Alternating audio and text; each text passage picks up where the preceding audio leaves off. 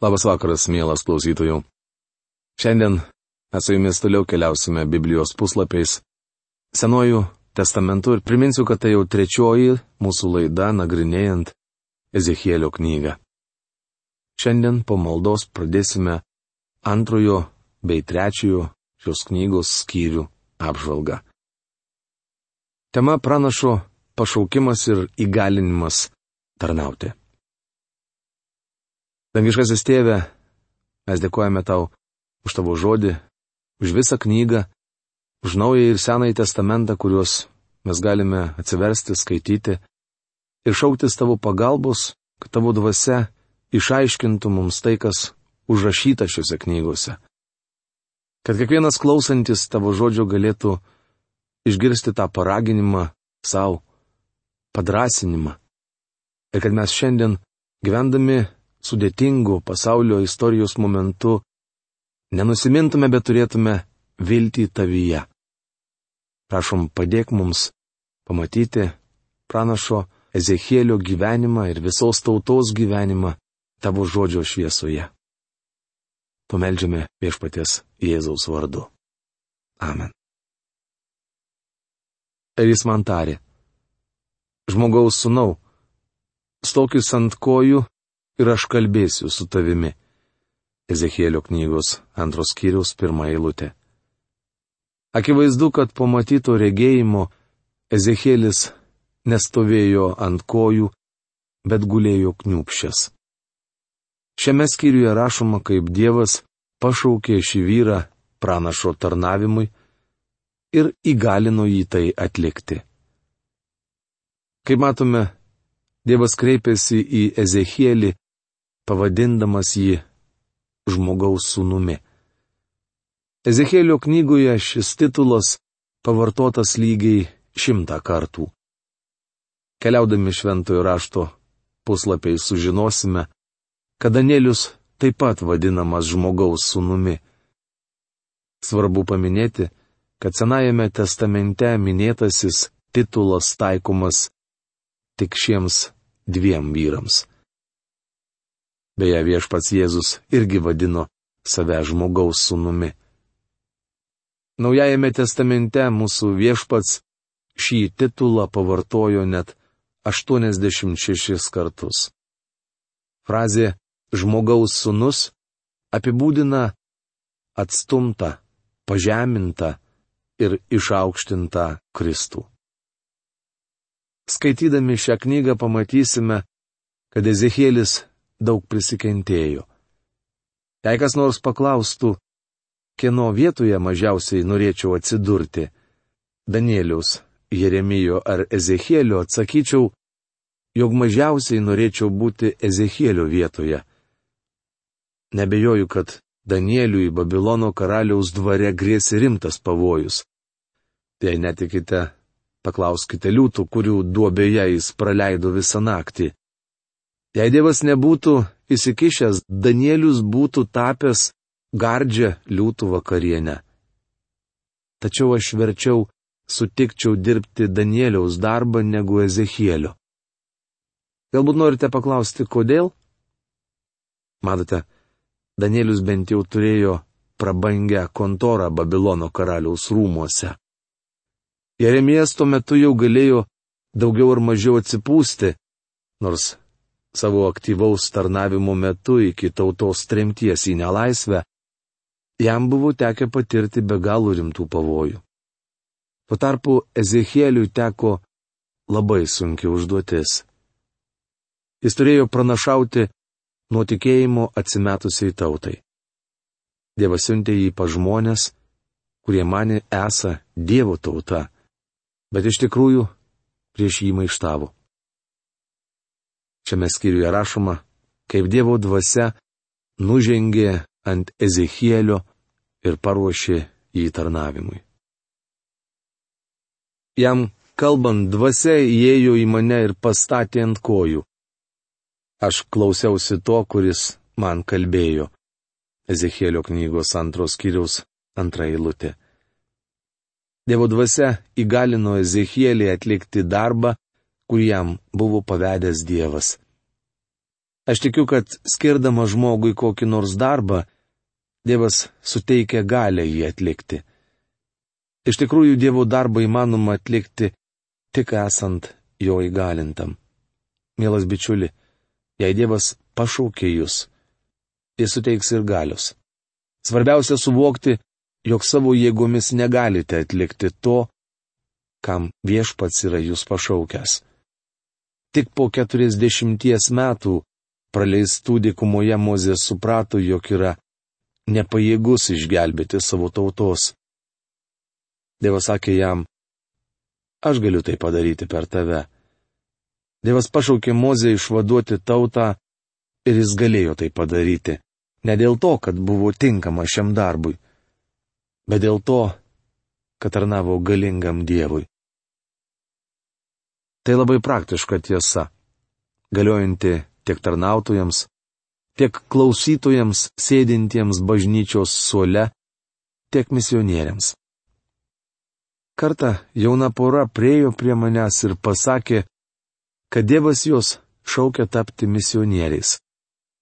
Aš gerai juos išklausinėjau, nes atvirai pasakius nemaniau, jog jie iš tikrųjų pašaukti. Tiesa, nebuvau to visiškai tikras ir nenorėjau pastoti jiems kelio. Pora išvyko į misiją, bet po nesėkmingo tarnavimo sugrįžo. Kalbėdamasi su jais, jaučiau, kad tų žmonių širdys apkartę ir jie galvojo, jog Dievas juos nuvylė. Toji pora buvo pasiryžusi vykti į misiją ir net tapti kankiniais. Tačiau Dievas jų nenaudojo. Aš jų paklausiau. Ar kada susimastėte, kad jei Dievas būtų pašaukęs jūs vykti į misiją, būtų suteikęs ir galios įvykdyti šią užduotį. Pora atsakė, jog niekada apie tai negalvojo. Brangus bičiuli, turime suvokti, jog kas kart pašaukęs mus kažkokiam darbui Dievas suteikia galios jį atlikti.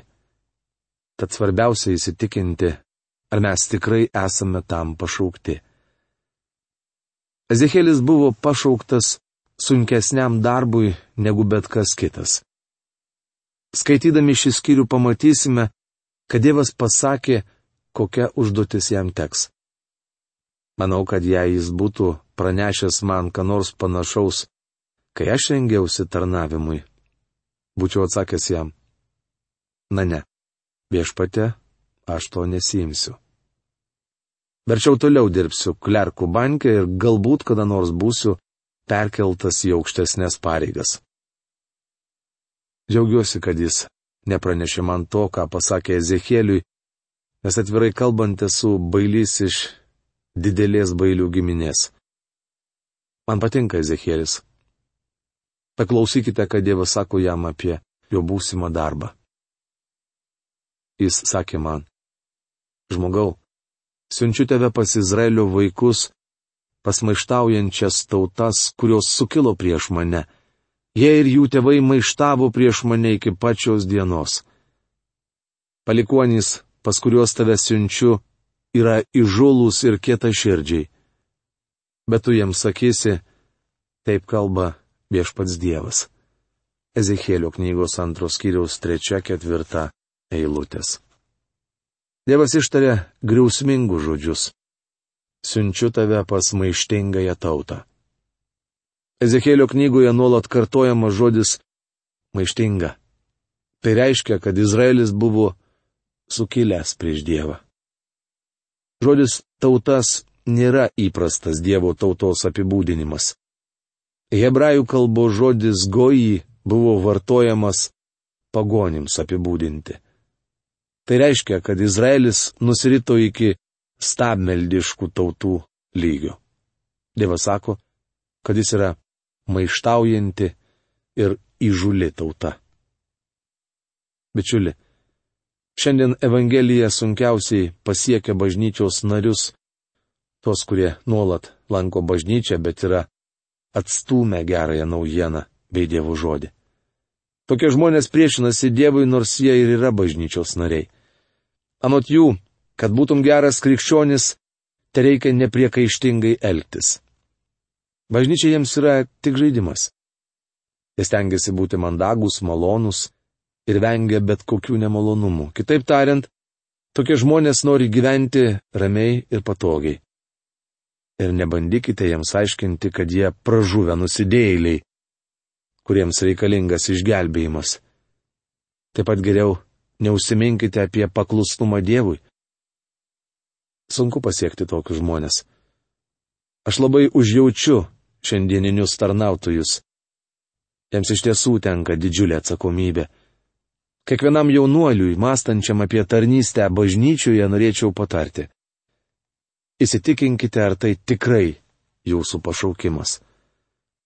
Jei nesate dėl to tikras, galbūt jums vertėtų pradėti savo verslą ar įsidarbinti draudimo kompanijoje. Noriu pasakyti, kad šiandien yra sunku būti tarnautoju, jei, žinoma, esate pasiryžęs skelbti Dievo žodį. Klausys jie ar atsisakys klausyti, nes tai maištingi namai. Tegu sužino, kad tarp jų buvo pranašas. Ezekėlio knygos antros kiriaus penktą eilutę. Dievas sako Ezekėliui, siunčiu tave pas šią tautą. Nesvarbu, ar jie klausys, ar atsisakys klausyti, žinos, kad tarp jų buvo pranašas. Aš to pasirūpinsiu.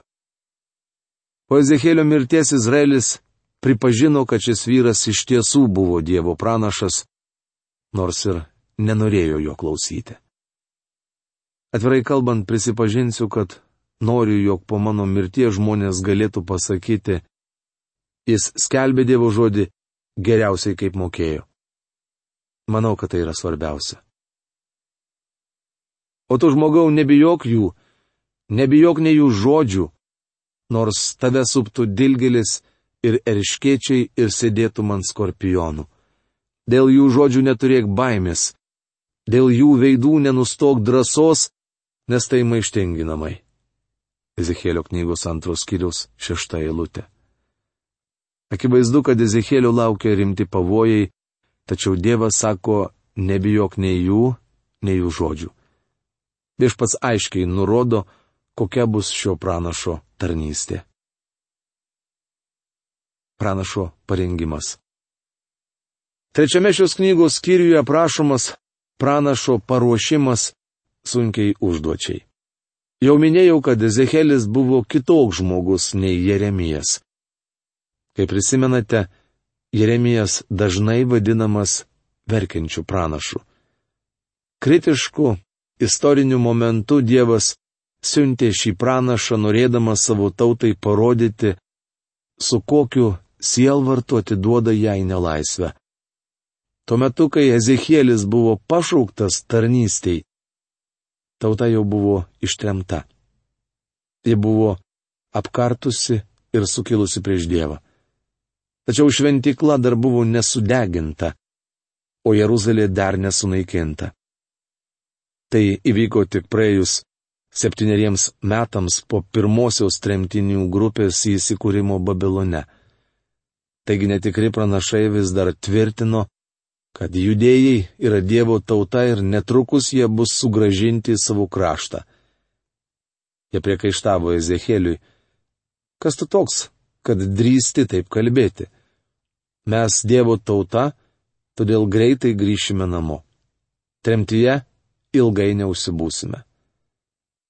Tačiau Dievas buvo sakęs Ezekėliui, pranešk jiems, kad jie negrįž namo, bet praleis tremtyje 70 metų kaip buvo kalbėjęs Jeremijas.